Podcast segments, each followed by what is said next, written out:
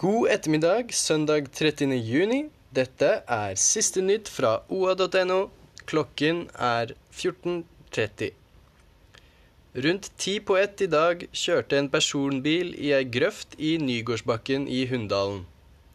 Føreren har ikke førerkort og satt i bilen og lyttet til musikk med en kamerat lenger oppe i bakken.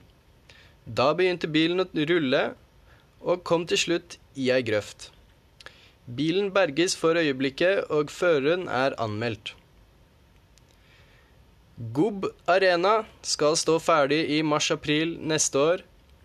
Om ni måneder skal altså den nye multisportshallen på Vind i Gjøvik stå ferdig.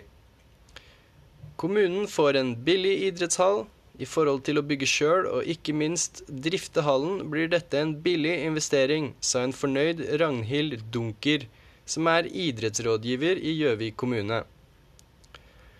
Skal du på utenlandsferie snart? Da må du passe deg for unødvendig dyr utenlandsk valuta. Det advarer forbrukerøkonom Magne Gundersen i Sparebank1 om. Tre av ti nordmenn tar ut valuta før de reiser, f.eks. på flyplassen, men Gundersen råder reisende til å vente til de har ankommet.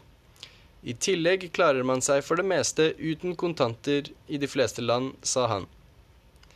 Dette var siste nytt fra oa.no. Ha en fortsatt fin helg.